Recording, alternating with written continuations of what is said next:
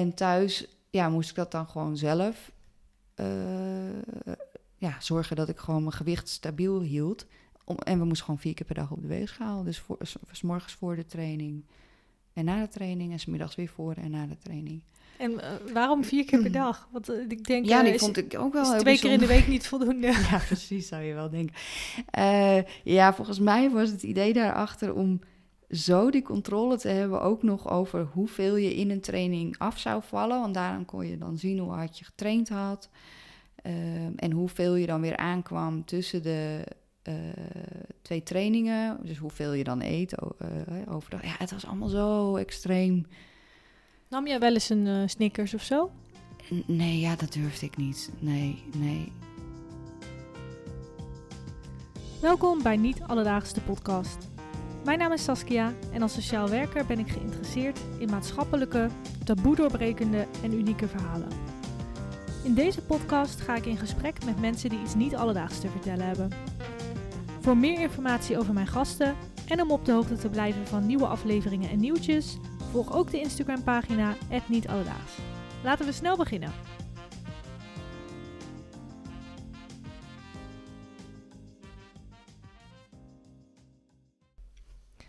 Vandaag ga ik in gesprek met Renske. Zij viel als klein meisje op omdat ze goed kon turnen. Wat volgde was een glansrijke turncarrière waarin ze vice wereld en Europees kampioen werd. Helaas was er sprake van machtsmisbruik door de turncoach, waardoor er onder veel te hoge druk gepresteerd moest worden. En Nou, Renske, welkom bij Niet Alledaags. Dankjewel. Superleuk dat je er bent. Leuk om hier te zijn. Of eigenlijk dat ik bij jou ben. Ja. Ehm, ik eh, vind het heel bijzonder om hier met een, eh, nou, met een vice wereldkampioen aan tafel te zitten in het turnen. Ehm, jij kon heel goed turnen als kleine meid. Ja. Ehm, kun je iets vertellen over wie jij was als kleine Renske? Wat voor meisje was Renske? Wat, wat voor gezin kwam je? Ja, ik kwam, eh, nou ja, ik heb een, ehm, een oudere broer en een oudere zus en, eh, en mijn ouders natuurlijk. En ik was eigenlijk al heel jong altijd wel bezig met gimmen in de speeltuin met mijn grote zus. Die ging me dan dingen leren en ik vond het zo leuk om altijd op mijn kop te staan en spagaten te maken, ratslagen en eh was ik altijd mee bezig. Dus dat zat er al heel jong eh, in en dan op mijn, ik denk op mijn vijfde of zo, nou, misschien zelfs al eerder op peutergym of zo mocht ik dan van mijn ouders. Vond ik ook al hartstikke leuk. En dan op mijn vijfde ging ik al wat meer gimmen. En op mijn zesde mocht ik al wedstrijdjes doen. En zo, eh, nou ja, ging dat steeds verder eigenlijk. Ja, en Ehm, kwamen ze er dan achter toen jij echt al heel klein was van, oh, zij heeft echt talent? Of hoe ontwikkelde zich dat? Ja, ik merkte wel bij de gymvereniging eh, eh, dat ik wel dingen snel oppikte, snel leerde, het ook gewoon heel erg leuk vond en altijd zelf ook aan het oefenen was. Dus het, het was wel vrij snel duidelijk dat ik wel talent had. Maar ik had nooit de ambitie of zo van heel jongs af aan dat ik eh, heel goed, goed zou kunnen worden of zo. Ehm, ja, dat, dat werd echt, nou ja, dat kwam later. Ja. ja. Dus als klein meisje, eh, als ze vroegen aan jou, wat wil je worden? Als heel klein meisje, zeg maar. Nou, daar weet ik niet, was ik helemaal niet mee bezig. Ik was echt een meisje eigenlijk van eh, het doen wat er gedaan moet worden. Heel ehm, sociaal wenselijk. ehm, altijd goed mijn best doen. Heel bang om, om op mijn kop te krijgen. En altijd proberen alles goed te houden. Dus ik was een beetje zo'n meisje. Die uh, nou ja, Ja. het gewoon vooral Beetje allemaal- verlegen misschien. Verlegen ook, ja. ja, Keurig eh, Ja. de regels opvolgen. ja, ja. Braaf eigenlijk. Een braaf meisje, ik, ja. maar eh, ik, denk wel dat ik zo rond mijn 7, 8 kreeg ik wel een beetje die droom hoor. Van ik wil wel eh topturnster worden of zo. Maar ja. toen merkte je ook van, ik kan dit ook heel goed. Dus Ja. misschien kan dat ook wel. Ja, ja, het kunnen, dat vond ik altijd nog wel lastig om dat te geloven. Maar ehm, het, als ik het dan op televisie zag, weet je, die, eh die turnsters, die zagen dan altijd op een bepaalde manier uit. En die deden allemaal van die mooie kunstjes, dat ik wel keek van, oh, dat zou ik zo graag willen worden, zo, weet je. Dus ik had wel een soort van ehm, droombeeld daarbij, zeg maar, wat ik dan op de televisie zag. Ja. Ehm, en op, op welke leeftijd werd je ontdekt? En hoe ging dit? Ehm, ja, ik werd op mijn... Nou, het ging zo dat bij de... Ik ben gewoon in een, bij een dorpsvereniging ben ik eh, begonnen. En daar gimde ik gewoon leuk. Zo drie, vier keer in de week of zo ging ik dan ook wel... Al best veel. Dat was al best... Ja, bij, bij gym, bij turnen gaat dat vrij snel. Dat je wel vrij veel gaat eh, trainen al. Er gaan gewoon heel veel uren in zitten om dingen te leren natuurlijk. Dus ehm, daar deed ik wel al wedstrijden, maar dat deed ik dan een beetje op regionaal, landelijk niveau, zeg maar. En die trainster van die vereniging, die, ehm, die ging een cursus volgen bij een topsportvereniging. Cursus, ja, ik denk zoiets of zo. Die ging daar dingen leren. En die nam mij mee als, eh, eh, ja, hoe noem je dat? Niet assistent, maar degene die dan dingetjes moest voordoen, weet je wel. En ehm, ja, daar eigenlijk werd ik gevraagd van, eh, ze zagen mij en toen werd ik gevraagd door die coach daar van die topsportvereniging van wil je, wil je niet komen trainen? En ik wilde dat heel graag. Ik dacht echt, ah, ik mag gewoon naar een echte topsportvereniging. Uh, dus ik kwam thuis, uh, helemaal blij. Mama. Hoe oud was je toen? Uh, negen, denk ik. Negen Acht jaar. of negen, ja, zoiets. Dus ik kwam thuis, helemaal blij. Mama, ik ben gevraagd, ik mag daar komen trainen. En mijn moeder echt zo, oh, daar was ik al bang voor. Dus die, die had, zag erbij al lang. Die had zoiets van, oh, moeten we dat wel doen, weet je wel. En... Um, en toen hebben ze ook echt besloten om dat eerst gewoon één keertje in de week te gaan doen. Ging ik een halfjaartje of zo, ging ik één keer in de week daar trainen. En pas daarna uh, ben ik daar volledig naartoe gegaan, naar die vereniging.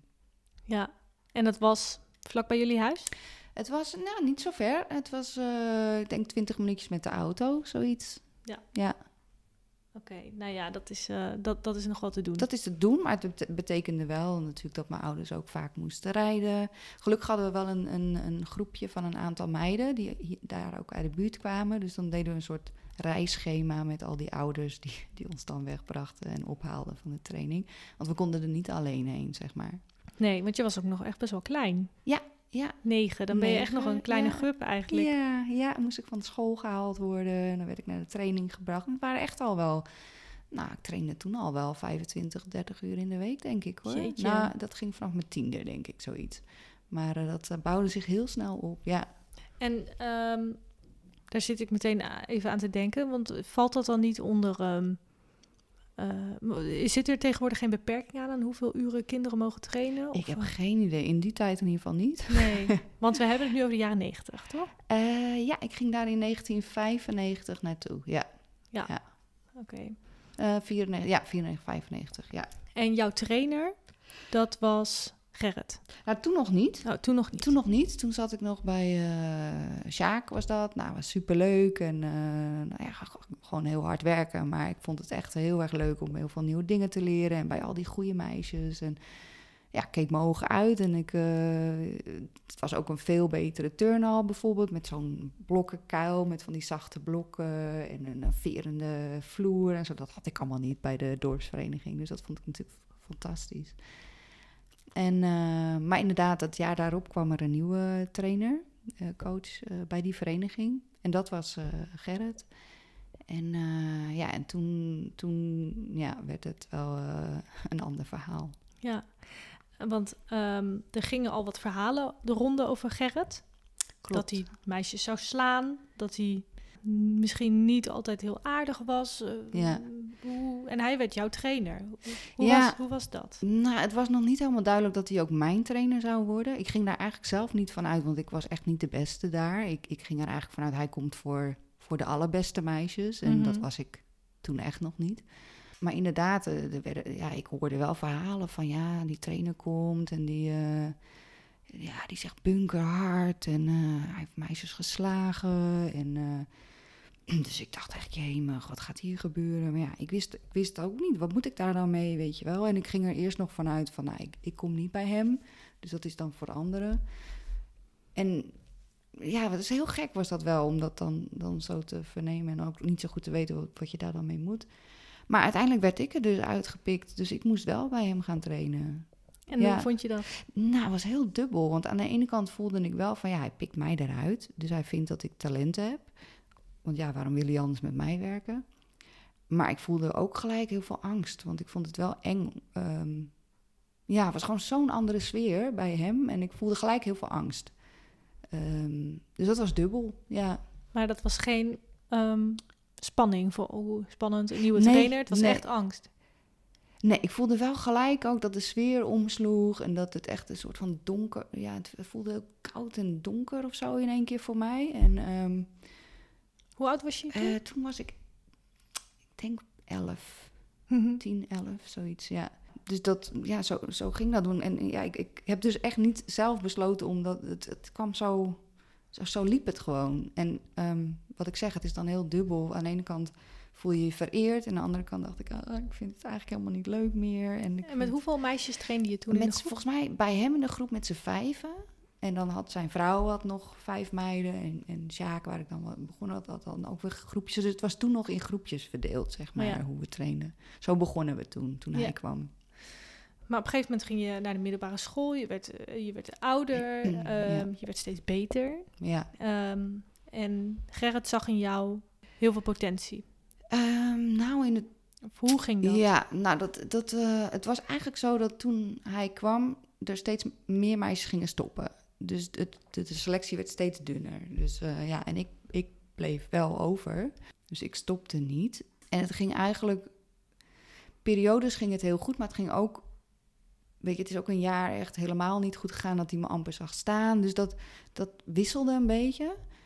Maar ik denk dat hij ongeveer vanaf mijn 14e, 15e werd het echt. eh, ja, werd, moest, moest ik het wel gaan doen. Zeg maar. Ook omdat er niet zoveel meer over waren. Maar ook omdat ik zelf wel enorm gegroeid was en beter was geworden. Mhm. Ja. En wat maakte het nou dat jij zo bang was? Dat, wat, Ja. Waardoor werd die angst zo getriggerd? ja, het is dus. ehm, Wat is Gerrit voor man? ja, wat is hij voor man?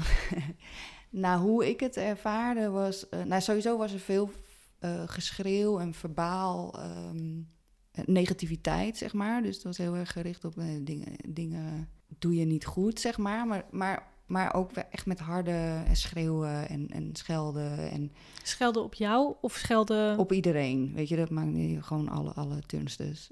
St- turnstertjes, meisjes. Moet ik, even, even, ik moet het altijd weer even oproepen van hoe voelde dat nou en hoe was dat nou? Het is ook zo'n gekke... Kun je een voorbeeld noemen van eh, Eh. waar, wanneer die dan bijvoorbeeld ging, ging schreeuwen? Ja, nou ja, dat kon, dat kon dan om hele kleine...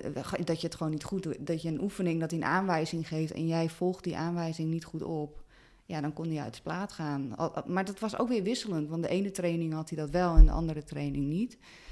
Dus, en ook, ook periodes, weet je, er waren echt soms weken dat hij eh, heel, in een heel slechte humeur was. En dat het altijd gewoon Dat je niks goed kon doen? niks goed kon doen. Alleen maar gescheld en gedoe en zagrijnig en genegeerd worden. En, en dan weer een periode dat, dat hij wel weer vrolijker was en dat je het wel weer beter kon doen. En dat was heel verwarrend. Ja.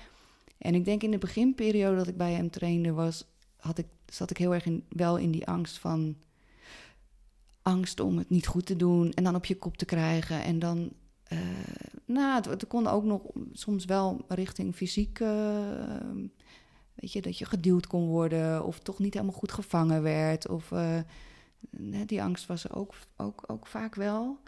Ehm, en later ging het meer naar, omdat ik eigenlijk, eh, was ik al- als een van de weinigen natuurlijk over, dat, dat het een beetje gegroeid was naar dat ik hem goed wilde laten voelen. Dus ik voelde me Mhm. heel, verant- heel erg verantwoordelijk voor zijn gevoel over zichzelf, zeg maar. Mhm.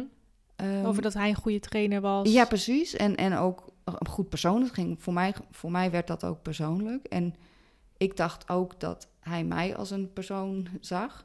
Maar later leerde ik dan van nee, dat, dat, dat- nou ja, dat, dat, ehm, Dat lag zo. heel anders. Ja. Ja.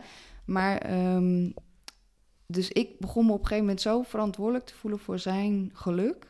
Dat ik me heel slecht kon voelen als ik het niet goed deed. Want dan dacht ik, oh, en dan maak ik hem ongelukkig. En allemaal mijn schuld. Ik doe het verkeerd. Dus ik ging heel, heel veel verantwoordelijkheid dragen.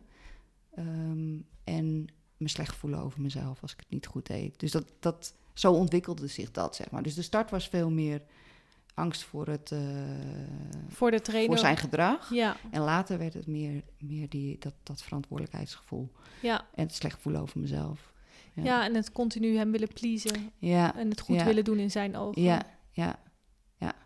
Het doet me bijna een beetje denken aan, ehm, aan het Stockholm-syndroom. Dat mensen ehm, die bijvoorbeeld eh, gekidnapt worden, dat ze uiteindelijk sympathie krijgen voor hun, Ja, eh, ja, ja. hoe noemen ze dat? Voor een gijzelaar. ja, precies. of voor ja, een gijzelnemer. Ja, ja daar, daar herkende ik later ook wel dingen in. Dat ik dacht, oh ja, ik had ook zo'n gevoel kon ik daar dan bij hebben, weet je wel. Dat aan de ene kant word je natuurlijk super slecht behandeld.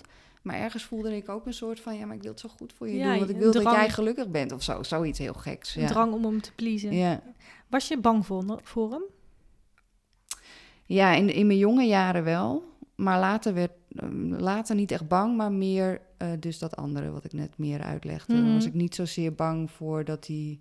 Ja, dat gescheld was ik inmiddels wel gewend, of zo, weet je wel. En, en wel angst had ik voor eh, gepusht worden. Dus als ik bijvoorbeeld een voelde zelf... Kijk, als je ouder wordt ga je ook meer voelen wat je wel en niet kan qua beweging. Want turnen is een hele... ehm, ergens wel gevaarlijke sport met alle al die tru- trucken Mhm. die je doet natuurlijk. Ook voor Moet- je gewrichten, denk ik. Ja, voor je en ook met, je kan natuurlijk hard vallen. Als je Ja. je dubbele salto niet goed inzet, dan kan je zo op je nek vallen, zeg maar.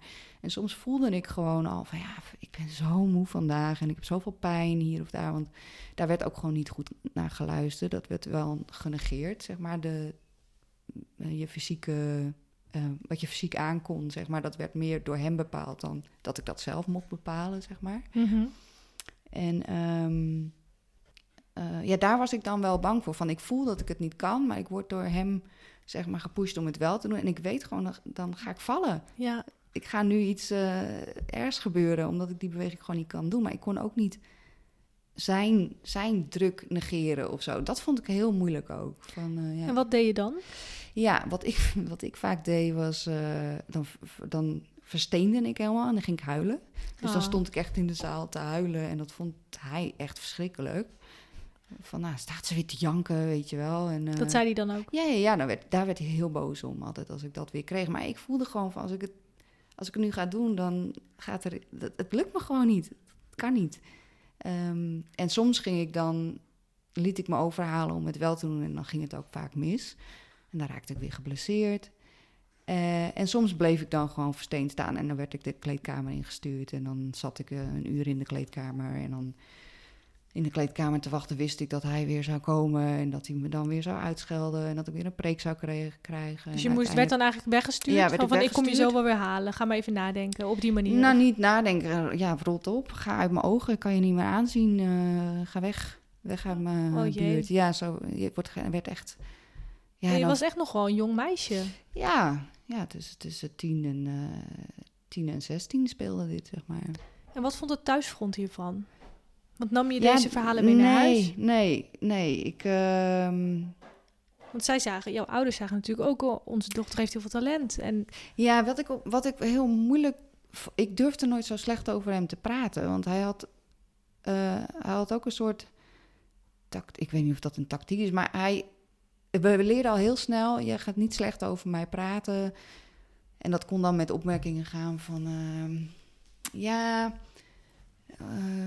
eh, uiteindelijk was het natuurlijk altijd onze schuld dat iets fout ging. Want wij deden het niet goed. En dan werd het zo gebracht van ja... En dan loop je nu weer te janken. En dan straks zeker weer tegen papi en mami lopen zeuren over mij. En dan ben ik weer de boeman. En dus zo werd, werd er eh, gepraat. Dus ik durfde nooit zo slecht over hem te praten. Tegen niemand niet. Want dan dacht ik, ja, dat is zielig voor hem. En dan is hij... eh, en ik heb het fout gedaan. En dan krijgt hij... Weet je, heel gek was dat. zijn Ja. je ouders wel eens eh, naar hem toe geweest? Jawel, want ze zagen wel dat ik echt heel ongelukkig werd en heel ehm, stil. En ze zagen wel dat het niet goed met me ging. Dus dan gingen ze wel proberen te praten met hem. Maar hij had ook een hele. ehm, ja, hij kon ook weer heel, heel goed dat dan op zijn manier toelichten of zo naar mijn ouders toe. Hoe dat Mhm. dan allemaal werkte. En dan hadden mijn ouders weer zoiets van: oh, oké, oké. Ja, hij is professional, hij zal het wel Ja, weten. hij zal het wel weten. En. eh, Hadden je ouders vertrouwen in hem? Hmm, weet ik eigenlijk niet. Ik denk het ergens wel. Maar ook, ook wel voelen van, nou, het is wel... Want was er in die tijd, dus tussen je tiende en je zestiende, was toen eigenlijk al bekend, of was er toen al de verwachting dat je mogelijk ooit de Olympische Spelen zou gaan doen, of dat je mogelijk wereldkampioen zou worden? Eh, of was dat toen nog helemaal niet? Want je trainde toen al 30 uur in de week. Ja, dat was wel uiteindelijk... dat was eh, wel de bedoeling. Ja, voor hem in ieder geval wel. Ik zelf was daar helemaal niet meer mee bezig. Want het werd op een gegeven moment echt overleven voor mij. Want ik, oké, als jong meisje had ik dan wel een droom. Maar weet je, in Nederland stelde niks voor in het turnen. Dus ik dacht echt niet dat ik ooit Dat op was een WK... toen... eh, Nee, toen was dat nog helemaal niet. Nee, want ik begreep dat Roemenië de, kar, de, de, de kartrekker was in Europa als het ging om, eh, of misschien op wereldniveau zelfs, als het ging om turnen. Ja, Zij Roemenië, stonden- Rusland, eh, Amerika, dat waren echt de, de landen. De zeg maar, turnlanden. de turnlanden, ja. En Nederland. En Nederland was, stelde, ja, stelde echt niks voor. En was het Gerrit zijn ambitie om het Nederlands turnen op Ja. elkaar te zetten? Ja, Bij dat de denk mei- ik bij de meiden? Dat denk ik wel, ja. ja. Maar goed, eh, kijk, je bent... Ik was zo jong. Ja. Oké, eh, als, als, als klein meisje heb je dan die droom, maar eh, op een gegeven moment wordt het dan zo, wat ik zeg, overleven. En het was uiteindelijk zijn droom, werd het natuurlijk. En ik was meer bezig met, oké, ik moet jou... Ja, hem dienen eigenlijk. Ik, ik werd eigenlijk zijn product.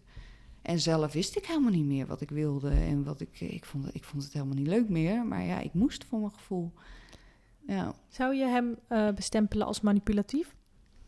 nu wel, ja. Mhm. Ja. Want zo klinkt het voor mij Ja, wel. Ja. eh, Toen had ik dat helemaal niet, eh, niet eh, in de gaten natuurlijk. Maar ik was super jong. nee, je dacht ook, hij, hij doet dit voor jou. Hij wil jou verder helpen. Nou, eh, nou, dat heb ik het nooit ook echt zo kunnen zien eigenlijk. Toch Nee? niet? Nee. Nee, het werd heel snel al van... Ik dien hem. Mhm. Terwijl het natuurlijk andersom moet zijn. Een, een eh, coach dient de sporter, zeg maar. Maar dat was het eh, zeker niet. Nee. Nee. Hoe zag een doordeweekse dag er voor jou uit? Ehm, ik stond om eh, zes uur op. Dan ging ik, was de eerste training van zeven tot half tien. Dan werd ik naar school gebracht van tien tot volgens mij half vier. En dan van vier tot half acht of zo weer trainen. S'avonds huiswerk maken en de volgende dag weer hetzelfde. Om eh, half acht 's avonds moest je, dan moest je nog eten. Ja, nog eten en dan nog wat dus huiswerk dan maken. om half en negen dan, ga je eh, nog aan je huiswerk. Ja, ja, En daarna moet je dus om zes uur weer op. ja, ja. Was er ooit, want was dat vijf dagen in de week? Nee, dat was vier, vier door de weekse dagen. En dan, volgens mij, één dag in de week was het één training. Dus dan, de- dan ging ik 's morgens wel gewoon naar school.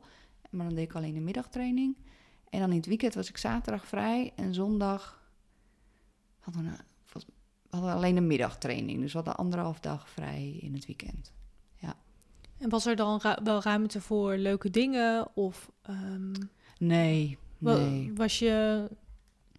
Ik, ik begreep dat je, als je iets ouder wordt, dat je op een gegeven moment ehm, in zo'n levens... Ja, dat je, puber wordt. Mhm. Dat je op een gegeven moment op een levensfase komt dat je lichaam gaat veranderen. Dat je wat meer vet op je botten krijgt, op bepaalde gebieden van je lichaam. Dat veel meisjes gaan menstrueren. Kun je iets vertellen over die periode? ja, dat is eigenlijk helemaal niet ontwikkeld. Ja, in de turnen is het gewoon, werd het heel erg, het ideaalbeeld is- is een meisjeslichaam.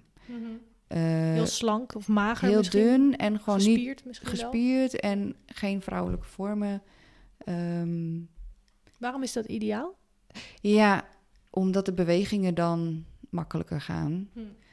Ik denk dat dat het uitgangspunt is, maar het is ook, het is ook een soort schoonheidsding werd het, voor mijn gevoel. Binnen de turnwereld. Binnen turnen, ja.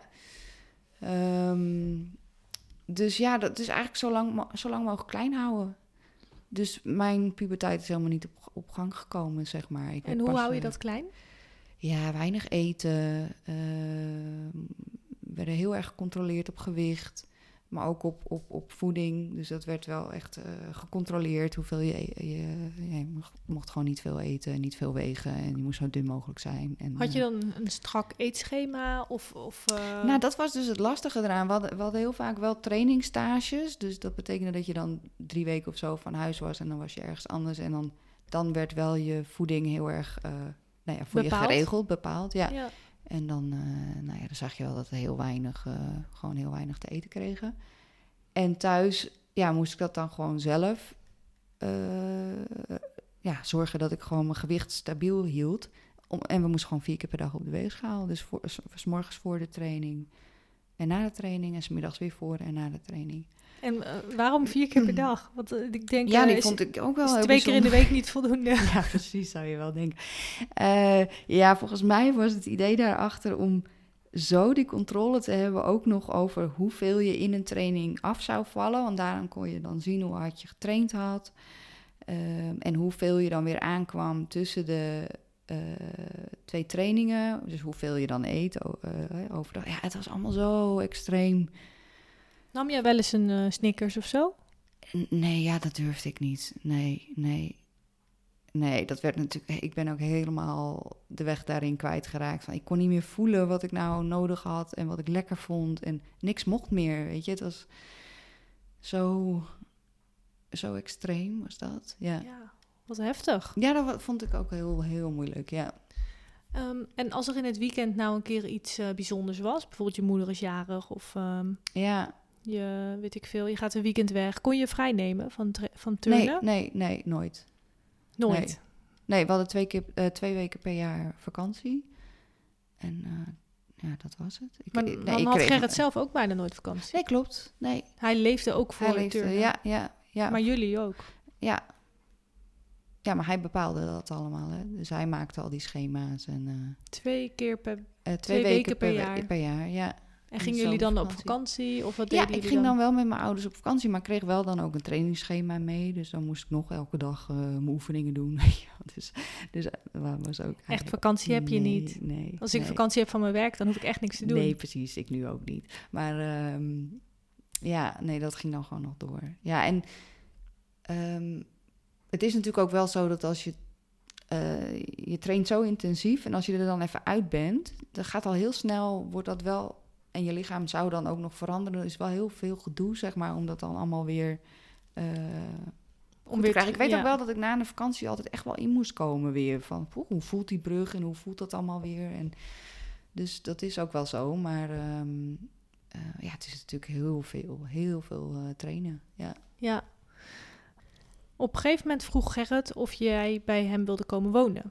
Dat klopt, ja. Hoe is dat gegaan? Ja, dat was denk ik rond mijn veertiende.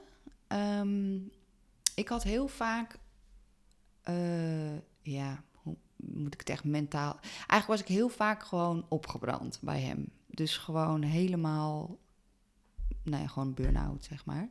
Ehm, dat ik het mentaal ook allemaal niet trok. En dat is natuurlijk achteraf heel logisch, want het was gewoon veel te veel. En het kwam niet Flinke meer uit mezelf. Op ja, een meisje van 14 precies, ja. of jonger zelf. Maar hij zag dat dan meer als mijn probleem. Mankement. Ja, dat ik gewoon mentaal zwak was of zo. Eh. En hij dacht dan, als je bij mij komt wonen, dan heb je minder eh, afleiding. En ook je ouders bemoeien zich er dan niet minder mee. En eh, ik denk dat dat goed voor je is. Dus dat was eigenlijk zijn, ehm, Zijn idee, eis. Zijn, nou, zijn idee daarbij. Ik weet, volgens mij kon ik. En ik vond het ook eigenlijk ehm, wel oké. Ik had er niet heel erg. ehm, op dat moment dacht ik, ja, ik ben toch bijna nooit thuis. Ik ga zes uur de deur uit. Ik ben s'avonds acht uur thuis. En mijn, mijn ouders moeten ook nog voor me rijden, weet je wel. En voor ons gezin was het ook best wel een ding hoor. Dat, eh, Het is best wel een, eh, een opoffering als gezin. dat ja, je, ja, daarom. Ook voor mijn broer en zus, weet je. Die zaten ook altijd in dat gezeur. Want het was natuurlijk altijd gedoe. En dan ging het weer niet goed. En dan zat ik weer niet lekker in mijn vel. Dus ik, ik was wel heel erg... ehm, nou ja, bijna een soort van probleem wel in het gezin, weet je. En Zo voelde je dat. ja, vond ik wel. Het was wel altijd gedoe. Ja. Omdat het natuurlijk zoveel speelde en zoveel, het werd zo belangrijk ook. Mhm. ehm, dat, ik die, dat ik in die sport zat. Dus ja, daar, daar voelde ik ook wel zoiets bij van, nou ja, misschien is het ook voor thuis wel een beetje rustiger en ehm, Wat Dus- vonden je ouders? een beetje hetzelfde eigenlijk. Die hadden zoiets van, eh, ja, ook voor, voor, ook voor thuis situatie, voor het gezin en ook voor het rijden, ook wat meer rust voor hun. Mhm. Ehm, maar wel zoiets wel als het niet gaat, gaat niet, weet je wel. Dus het is wel, we gaan het aankijken en eh, Als je weer terug wil, kom je weer terug. ja, tuurlijk, Ja. sowieso, ja, ja. Dus toen was je 14. Toen was ik veertien, ja. Eh, hoe lang heb je bij Gerrit gewoond? Of hoe ging dat verder? Ja, eh, van mijn veertiende tot mijn zestiende, denk ik, heb ik daar gewoond. En ehm, eigenlijk ging het steeds slechter met me. Want wacht even, sorry, was dat bij, dan bij Gerrit en zijn vrouw? Ja, klopt. Of had hij ook nog kinderen? Ja, hij had ook nog een, toen nog één dochtertje. En later, aan het einde, eh, nog een tweede dochtertje kwam erbij. Dus het waren kleine kindjes. Hoe was het gezinsleven bij hun thuis? nou ja, voor mijn gevoel was er niet echt. ik- hoe ik dat kende, was daar niet, zeg maar. Dus ik kom echt uit een eh, gezin, gezin, weet je, alle eh, Drie kinderen. samen eten, weet je wel. En een beetje die gezinsritueeltjes en zo, dat hadden wij wel. Maar daar was dat, heb ik dat niet zo ervaren. En het is natuurlijk ook heel apart dat je dan als, ja, bij een ander, als bij je trainer en dan in een, ja, ik voelde me ook, ook niet echt thuis eigenlijk. En ook heel erg op mijn hoede van doe ik het allemaal wel goed en ik mag niet zoveel eten en ik moet op tijd slapen. En eh, ja, dus het is heel gek eigenlijk was dat Mhm. wel. Ehm, ik was wel gek op, eh, op, op hun dochtertje. Dat was echt een heel lief eh, klein meisje was dat natuurlijk. Dat was heel leuk. En later kwam er wel nog iemand bij. Dus toen waren we met z'n tweeën. Dus toen sliepen we in een eh, stapelbedje, zeg maar, uh, saampjes op een kamer. Dat was wel leuk. Wel Nou ja, leuk. gezellig klinkt dat, maar Ja, nou, misschien zo, niet voor ja. altijd. Maar, het was wel fijn dat er iemand nog bij was, zeg maar. Ja, maar die gingen uiteindelijk ook weer weg. Dus eh, ehm, ja, hoe was dat? Ja, wat ik er lastig aan was, vond, was dat ik, dat ik best wel veel, steeds meer problemen eigenlijk kreeg en steeds slechter ging voelen. Mhm. En ook wel wat conflicten kreeg met Gerrit, echt wel ge- gedoe. En dat je dat dan thuis ook een soort van heel gek iets krijg je dan van... oh ja, hij is nu thuis en we hebben net ruzie gehad in de training. Hoe moet ik me dan nu gedragen? En ja, dat vond ik wel eh, moeilijk. Ja. Ja. want je, je kon het niet echt meer gescheiden houden. Je, Nee, ik, je niet- turnen, ik niet. je nee. sport en je... Nee. dat- Ja, dat is... eh, je hele leven wordt turnen. Ja, je hebt eigenlijk niet meer een gescheiden leven dan, Nee, hè? Alles is het eh, dan, ja. Had je vriendinnetjes, schoolvriendinnen in die tijd? Ehm, ja, ik, ik had ze wel, maar eh, ik voelde daar niet zoveel bij. Dat was heel gek. Ik had dat meer van... Mijn ouders hebben dat heel erg gestimuleerd. Altijd probeer gewoon wel contacten te hebben en ook echt te bellen voor huiswerk en misschien af en toe af te spreken. Weet je, die vonden dat wel heel belangrijk, dat ik een soort van sociaal leven nog had. Maar ik had daar helemaal geen ruimte meer voor. Ik was zo... ehm, ja, hoe moet ik dat... ah, ik, ik leefde een beetje als een zombie of zo. En, Ja. en ik, eh, ik kon niet meer voelen. Ik was een beetje gevoelloos. Ja, Het enige wat ik voelde was heel veel stress van alles en die druk. Maar het gevoel wat je bij mensen kan hebben, weet je, vriendinnen of eh, je familie, dat geeft een bepaald gevoel. Dat, dat had ik niet meer. Ik voelde niet meer. Ik was helemaal uitgeschakeld of zo. wat heftig. Ja. Ik kan me voorstellen dat een meisje van 14...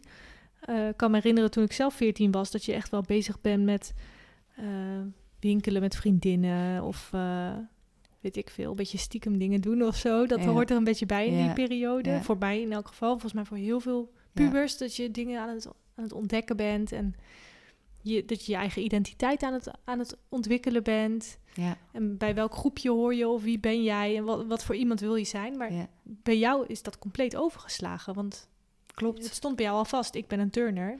En, ja, eh, wat je, dat zeg je eigenlijk heel mooi. Dat je dat eigenlijk normaal ga je daar heel erg eh, je identiteit vinden. En bij ons was het juist meer, je moet, in, je moet ergens inpassen, zeg maar. Je Mhm. moet je identiteit loslaten, want jij moet zijn zoals ik wil dat je bent. Dus ja, die ruimte was er helemaal natuurlijk niet. nee. Nee, en dat is ja, heel, heel raar geweest wel. Hoe was jouw zelfbeeld? Ik kan me, kan me voorstellen als je tegen een pubermeisje, als je die vier keer per dag op de weegschaal zet, dat dat iets doet met je, met je zelfbeeld. Vond jij jezelf te dik? Of, of eh, want volgens mij begreep ik dat je, ehm, als je boven de 45 kilo zou wegen, zou, zou die wel een beetje zenuwachtig worden. Dan was het niet goed. Ja, ja en ehm, nou ja, inderdaad, het werd natuurlijk heel erg op, op cijfers, eh, ging ik dat ook voelen, weet je. Dat ik dan, als ik bijvoorbeeld heel licht was, als ik eh, onder de 44 kilo kwam of zo, dan voelde ik me ook echt beter over mezelf dan dat ik eh, richting die 45 ging of zo. Dus het werd ook heel erg mijn eigen ding en natuurlijk van buitenaf ges- gestuurd. Maar ik ging dat zelf ook voelen. Eh, dus mijn zelfbeeld was eigenlijk heel afhankelijk van bijvoorbeeld die cijfertjes op de weegschaal, mijn prestaties, zijn humeur. Dus alles van buitenaf maakte hoe ik me voelde over mezelf. Ja. Ik kon dat niet van binnenuit voelen. Nee, ja, Ik was afhankelijk het doet me van, eigenlijk denken aan een marionet die gewoon compleet wordt bestuurd door, door Gerrit. Ja. Ja, ja. Ja. zo kan je dat wel zien. Ja. En, en ik eh, werd ook heel erg, ehm, inderdaad, hoe ik, dan, hoe ik me voelde, werd dan ook weer heel erg afhankelijk van hoe hij, hoe zijn pet stond, zeg maar. Mhm. Ja. Heftig. Ja, dat was lastig. En Wanneer kwam het moment dat je ehm, ehm, in het Nederlands team terecht kwam? Hoe ging dat? Ja, dat was wel al in die tijd. Dus volgens mij in het juniorenteam of zo, dan ben je veer- 14, denk ik. Dan kom je een beetje zo in die junioren Nederlandse selectie. En als je 16 bent, word je senior. Dus dan ga je naar de, nou ja, hoe noem je dat? De oudere... Volwassenen, de, zeg maar. Ja, zo, zoiets. En ehm, ja, dus daar zat ik wel al gewoon in. En hoe Mhm. gaat dat dan? Ja, dat gaat dan met de eh, ja, Nederlandse kampioenschappen. Als je daar dan bij de eerste zoveel zit, dan kom je in een team of kwalificatiewedstrijden. Dus dat wordt. Maar ja, weet je, de top is niet heel breed. In, nee, was toen niet heel breed in Nederland. Dus als je al een beetje in de top van Nederland zat, dan zat je ook al wel in het eh Nederlands team. Mhm. Ehm, je hebt ook een aantal keer aan het WK meegedaan. Ja, klopt. Ik heb één WK bij, eh, met Gerrit dan nog gedaan. Dat was in China, toen was ik 16. Wat bijzonder dat je dan 16 bent en je vliegt naar China Ja, ja, ja. en, je, ja. en je wint daar. Nee, daar wo- won ik niet. Oh, daar won je Nee, niet. daar won ik niet. Daar, ik weet niet hoe we daar nou echt... Het was oké, want het wa- was een beetje middelmoot Mhm. waren we daar. Ehm, dus dat was mijn eerste WK. Maar daarna ging het... Nou ja, daar heb ik nog wel een soort van... ook oké gedraaid, maar daarna ging, ging het echt heel slecht met me. Toen raakte ik helemaal eh, de weg kwijt. En toen ehm, ben ik ook weggegaan bij Gerrit ja, dus daar kwam, kwam echt een hele moeilijke tijd om me eigenlijk los te maken van hem. Ehm, toen ben ik een keer weggelopen van, van eh, toen had hij me op school afgezet. Ben ik gewoon lopend naar mijn huishuis, zeg maar naar mijn echte Naar thuis. ouders? Ja, naar mijn ouders gegaan. Wist niemand. Dus ik Ah. helemaal eh, langs de snelweg, nou het was niet de snelweg, maar langs de autoweg naar huis gelopen. School wist niet dat ik kwam, eh, maar ik zat er helemaal doorheen. Ik, moet, ik wilde gewoon zo graag naar huis. En van daaruit, dat was ook echt de eerste stap om. eh, toen wilde ik ook echt stoppen en eh, ben ik weer thuis gaan wonen. En, nou, maar dat werd heel veel gedoe om eh, los te komen. Ja, want dan Ja. wil je niet meer bij hem wonen, maar jij krijgt nog wat training van hem. Dat is ingewikkeld. Nee, want ik ben toen ook Oh, bent wel echt gestopt. Ja. ik wilde echt stoppen, maar ik, eh, ik kwam heel erg in. in ehm, ik voelde echt, ik, ik kan niet meer verder, ik wil niet meer verder. Ehm, maar ik vond het zo moeilijk voor hem, want hij had zoveel geïnvesteerd in mij en eh, Mhm. hij had het er ook heel erg moeilijk mee. En eh, ik voelde me dan weer schuldig. En nou ja, dat, dat vond ik zo zwaar. Terwijl ik echt zo goed voelde van het is gewoon veel... Ik kan, ik kan niet meer. Het is gewoon helemaal op. En ehm, ja, en uiteindelijk is dat dan ook helemaal niet goed, niet leuk afgelopen. Weet je, dat ik dan echt die beslissing had genomen, werd ik ook wel echt genegeerd en aan de kant gezet. En ja, dat vond ik heel naar. Dat je dan wel voelt van oké, als het dan duidelijk is dat je niet meer verder gaat, dan ben je gewoon niemand meer of zo voor iemand waar je dan zo, Waar je al die jaren zo... zo, hard voor hebt gewerkt. Ja, En dan je kom je er eigenlijk achter van ik ben helemaal niemand. of Nee, je zo bent maar een nummer voor hem. Ja, dat Gewoon vond ik werk. heftig. Ja, dat vond ik echt heftig. Maar toen ben ik uiteindelijk toch verder gegaan. Ben ik naar een andere coach gegaan. Toch nog. Ik dacht echt, ik wil, ik wil niet meer. Ik ben er klaar mee. Maar toen ging ik naar ehm, Boris Orlov. Dat was een Russische trainer. In, in eh, Nijmegen trainde hij. En ehm, dat was dan op mijn zestiende. En ik dacht echt, pff, nou oké, ik ga het nog wel proberen dan, weet je wel. Ik had er helemaal geen zin meer in. Maar ik voelde daar zo'n toch wel andere sfeer. En, en eh, toen dacht ik, hé, het lijkt hier toch wel een beetje anders te gaan of zo. En ik Het is best weer- leuk eigenlijk Ja, dat turnen. nou ja, het, het- in ieder geval voelde het lichter of zo. En die meiden vond ik leuk. En nou, ik kreeg echt weer een beetje gevoel. En toen, eh, ja, toen ben ik daar toch weer doorgegaan. En, eh, en een jaar later werd ik tweede op de wereldkampioenschappen. Wauw. Ja, dat was heel bijzonder. Dat ik echt weer en veel meer begon te voelen, mezelf weer een beetje werd, een fijnere sfeer ervaarde, echt weer een beetje mens werd. En dan ook nog kon presteren. Want bij Gerrit kon ik ook nooit echt presteren. Want hij, ja, ik, hij legde zoveel druk en hij vond het zelf zo belangrijk dat ik goed presteerde, dat ik gewoon niet meer kon presteren. Dat, dat ik gewoon zo veel angst voelde en stress, dat ik altijd fouten maakte.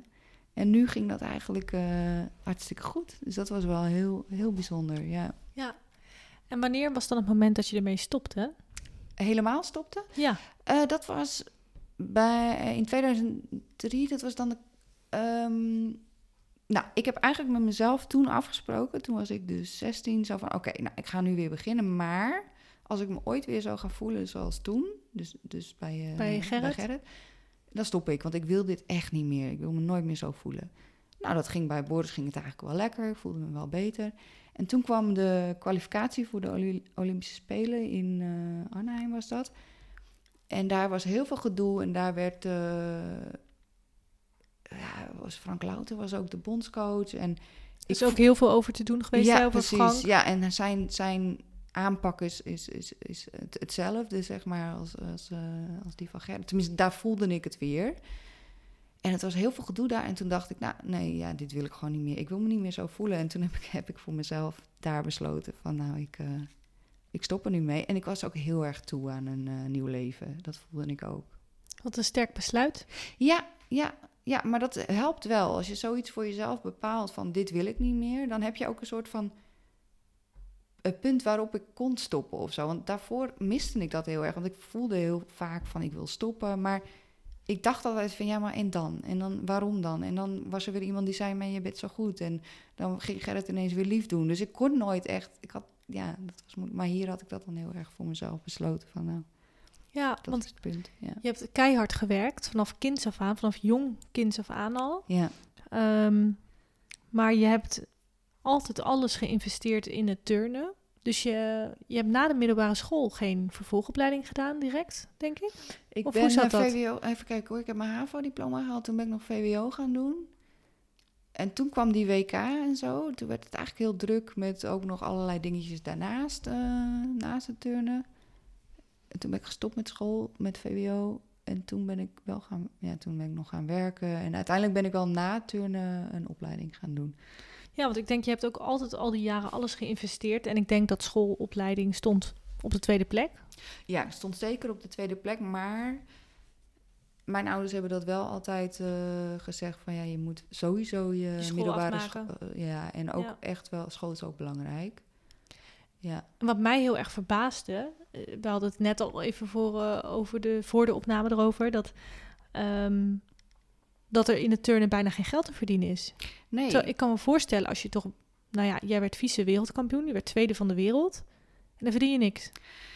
nee daar, daar begon ik dan een beetje geld te verdienen. Ehm, maar sowieso, als, voor die tijd hebben mijn ouders altijd gewoon contributie moeten betalen. En het, het wonen bij Gerrit moesten ze ook gewoon natuurlijk, hoe noemen we dat, kostgeld of iets Mhm. Dus mijn ouders hebben heel veel moeten investeren eigenlijk voor al het werk wat ik, eh, wat ik deed. Ehm, en uiteindelijk, toen ik dan tweede werd op de WK, ehm, kreeg, je wel, kreeg ik wel een uitkering van het NOC-NSF. Dat is een soort van minimumloon, iets wat je dan wel krijgt. Minimumloon. Ja, volgens mij... Ja, of Voor zo'n prestatie. Ja, ja, ja. Dus, dus als, dat krijg je dan volgens mij als je bij de beste acht van de wereld... Maar ik weet niet hoe het nu is, hè. Dat was in die tijd. Ja.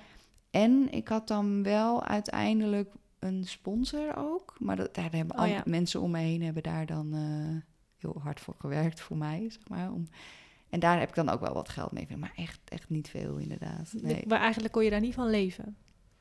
Nou, ik wel, want ik was zeggen? 18 toen. Ja, dus ik kon daar ja. prima van leven. En eh, ik woonde daar in een gastgezin en dat kostte ook allemaal niet zoveel. En, ehm, maar nu zou ik daar niet Stel je voor, het is je fulltime baan.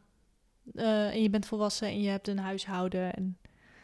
Ja, ik weet niet hoe het nu is. Maar Nee, je weet niet hoe het nu is. Nee, maar toen, ja, toen was het volgens mij een deel van het minimumloon wat we kregen. Ja. En dan ook bizar. alleen maar tot de periode dat je dan, zeg maar... Dus als er dan weer een WK komt, dat je dan tiende bent. Volgens mij val je er dan weer uit. Maar ik, ik weet het ook allemaal niet precies Nee, meer hoor. is natuurlijk lang geleden. ja. En je was eigenlijk ook nog En ik was super jong. Ja. Ja. ik was 18. zo anders. Ik heb het idee, als je wereldkampioen wordt in het een of ander, dan word je gewoon Rijk. of rijk zo. of zo. Ja, natuurlijk is dat niet. nee, eh, nee. Nou ja, het blijkt dat het niet zo is. Dat verbaasde me. Nee. Zeker als ik kijk hoeveel geld er bijvoorbeeld in, eh, in voetbal wordt verdiend. En dan hoef je nog niet eens eh, tot de wereldklasse te behoren. Maar als je gewoon voor een goede club in Nederland speelt, als man, zijnde als man in elk geval, kan je gewoon een, een heel prima, lekker Ja, salaris verdienen. Zeker, ja. Eh, maar goed, Ja. het is natuurlijk andere sporten, andere, eh, ja, veel meer animo daarvoor natuurlijk. Het gaat natuurlijk toch om vraag en aanbod, denk ik. Ehm, wat ik nog even wilde zeggen hierover. ehm, ik, heb, ik heb jou gezien in de documentaire De Gouden Lichting, Mhm. waarin jij en een, andere, andere, een aantal andere dames vertelt over die heftige periode. ehm, van de bondscoach Frank en jij dan van Gerrit. Eh, waarin jullie allemaal onder een heel strak regime ehm, ja, daar hebben moeten presteren. Mhm. Ehm, en daarin vertelde ook iemand dat ze ondanks eigenlijk het aangeven van fysieke klachten, dat een specialist zelf zegt van joh, je moet echt stoppen, anders dan kan je invalide worden. eh, dat, dat zij dat dan toch negeren. Ja, Dat vind ik zo heftig. ja, Dat, ze, dat het totaal niet naar jouw eigen welzijn wordt gekeken, ja. Maar eh, puur naar jou als, eh, nou, als robot eigenlijk, als, eh, ja, eigenlijk, als melkkoe. Ja. ja, dat is waar. Ja, dat is heel bizar als je daar nu op terugkijkt. Ja, het Het is ook, ook wel een andere tijd misschien, maar dan nog. Het is nog helemaal niet zo heel Ja, lang geleden. Maar het is heel gek als je daar natuurlijk inderdaad over nadenkt van... Hè? Maar als je erin zit, is dat weer gewoon of zo? Voor, voor, voor ja, is natuurlijk ook weer niet, maar... Ja, Misschien besef je dat ook helemaal niet ik, als je er ik zo in besefte zit. het niet zo. En, en ehm, er speelt natuurlijk ook zoveel. En het fysieke, en het, en het eh, mentale, en al het... En je bent jong. Ja, En je wil ook graag en, eh, natuurlijk Ik wel. weet wel dat ik het heel moeilijk vond om... ehm, ehm, als ik pijn had, omdat dan, dat durfde ik dan niet te zeggen. Want dan was ik bang dat hij boos zou worden dat ik pijn had. Weet je? Dus dat zijn ook wel gekke dingen. Dat je denkt, dus dan ging je dat weer negeren. Dan ging je maar weer gewoon door met de pijn. En eh, dat maakt bewegingen ook weer gevaarlijk. Want dan, hè, dan heb je ook weer meer kans om te vallen. Dus, eh, maar ja, dat is heel heftig. Dat zij dan eh, ja, zo ver moest doorgaan met die eh, fysieke... Ik heb dat zelf... Ja, zelf moest ik ook doorgaan met een stressfractuur in mijn voet. Dus dat is een, ook een, een, een, scheurtje eigenlijk in, je, in mijn middenvoetsbeentje had ik. Ehm, ja, dat ik daar ook, ook echt... Totaal niet verantwoord. Nee, en het is ook nog eens zo dat, dat, dat het, wat ik zeg, ik kon niet zo hard meer rennen bijvoorbeeld. Nou, dan worden bewegingen worden gewoon heel gevaarlijk. Mhm. En dat ga je dan even goed nog doen, waardoor je ook weer val. En ja, het is gewoon onverantwoord inderdaad. Ja, Heftig. ja. Nou, bedankt in elk geval voor je heftige verhaal. Ehm, ik vond het heel interessant.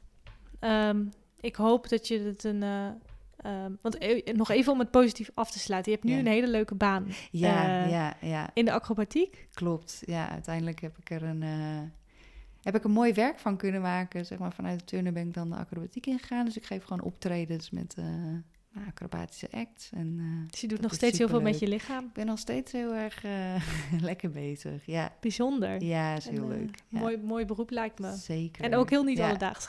Nee, inderdaad. Ja, ook dat. ja. Ik zou graag nog het laatste onderdeel met je, met je willen doen. Mhm. Dat ehm, heet de tas van Sas. Ik pak hem er even bij. Ehm het is een tasje, die is voor jou. Leuk. Ehm, en daar zitten een aantal dilemma's in. En ehm, we maken gebruik van, het, eh, van de dilemma's van Dilemma op dinsdag. En ik zou jou, aan jou willen vragen of je er twee wil pakken en van de twee eh, slechtste de beste wil kiezen. Oké, spannend. Nou, ik heb er twee eh, gepakt. En dan mag ik ze oplezen. Mhm. Je zet bij elke twee stappen eentje terug. Of op elk kruispunt dat je tegenkomt, moet je een kwartier lang het verkeer regelen. Ja, dan ga ik toch voor de tweede. Op elk kruispunt dat je tegenkomt, moet je een kwartier lang het verkeer regelen. Want Dat duurt ook Ah. wel heel lang. dat is waar, want ik zit nu, je zet bij elke twee stappen eentje terug. Oh, ik had hem, nee, oké. Ja, dilemma. Het duurt, ja. het duurt Kijk, beide heel Kijk, lang. of je moet gewoon nooit meer de weg op gaan. Ja. Want dan eh, hoef je nooit het verkeer te regelen. ja, dan moet je altijd thuis blijven. Of gewoon eh, alleen maar door het bos lopen of zo. Nee, dan toch maar eh, twee stappen, eentje terug. Wel veel gedoe. Ja, nou, heel Ja, hoop gedoe. ja. Misschien moet je er nog één doen. Eentje van... eh Nee, twee- gewoon twee- een nieuw twee- dilemma. Nee, ja. Twee nieuwe of Mhm. één? Oké. Oeh, als je met iemand praat, moet je naar zijn of haar geslachtsdeel kijken. Oké. Als je scheldt of vloekt, moet je je mond spoelen met zeep. nou, dan doe ik die, tweede. Moet je gewoon niet vloeken. Gewoon niet vloeken. En eh, mondspoelen met zeep is ook niet heel erg. Nee. Dus nee hoor, dat wordt die tweede. Eigenlijk ja. denk ik, tandpasta is ook eigenlijk ook een soort zeep. ja, toch? Als je het zo be- Ja. Dan... eh, En zeep is dat, ja, is ook nog, kan ook nog. Doe je gewoon een smaakje in je zeep. Ja. Kan ook nog. Oké, nou, dan wordt hem dan. Komt helemaal goed. Gaan we die doen. Leuk, leuk. Nou, Renske, Ja. super bedankt voor Heel je graag gedaan. verhaal. Graag gedaan. En ehm, ik zou zeker nog aanraden ehm, om de documentaire te kijken. De Gouden Lichting is te zien op NPO, een driedelige docu-serie. Ik vond het echt eh, super indrukwekkend. Mm. Ook de andere dames die aan het woord kwamen. Ehm, en heel erg bedankt voor, eh, voor je verhaal bij mij in de podcast. Ja, graag gedaan. Dankjewel jij ook voor, eh, voor dit. Nou, geen dank. en bedankt voor het luisteren allemaal. Dit was hem dan. Niet alledaagse podcast. Laat me weten wat je van de aflevering vond. En vergeet vooral niet om me te volgen op Instagram. Zodat je altijd meteen op de hoogte bent als er weer een nieuwe aflevering online komt. Super bedankt voor het luisteren. En tot de volgende keer. Doei doei!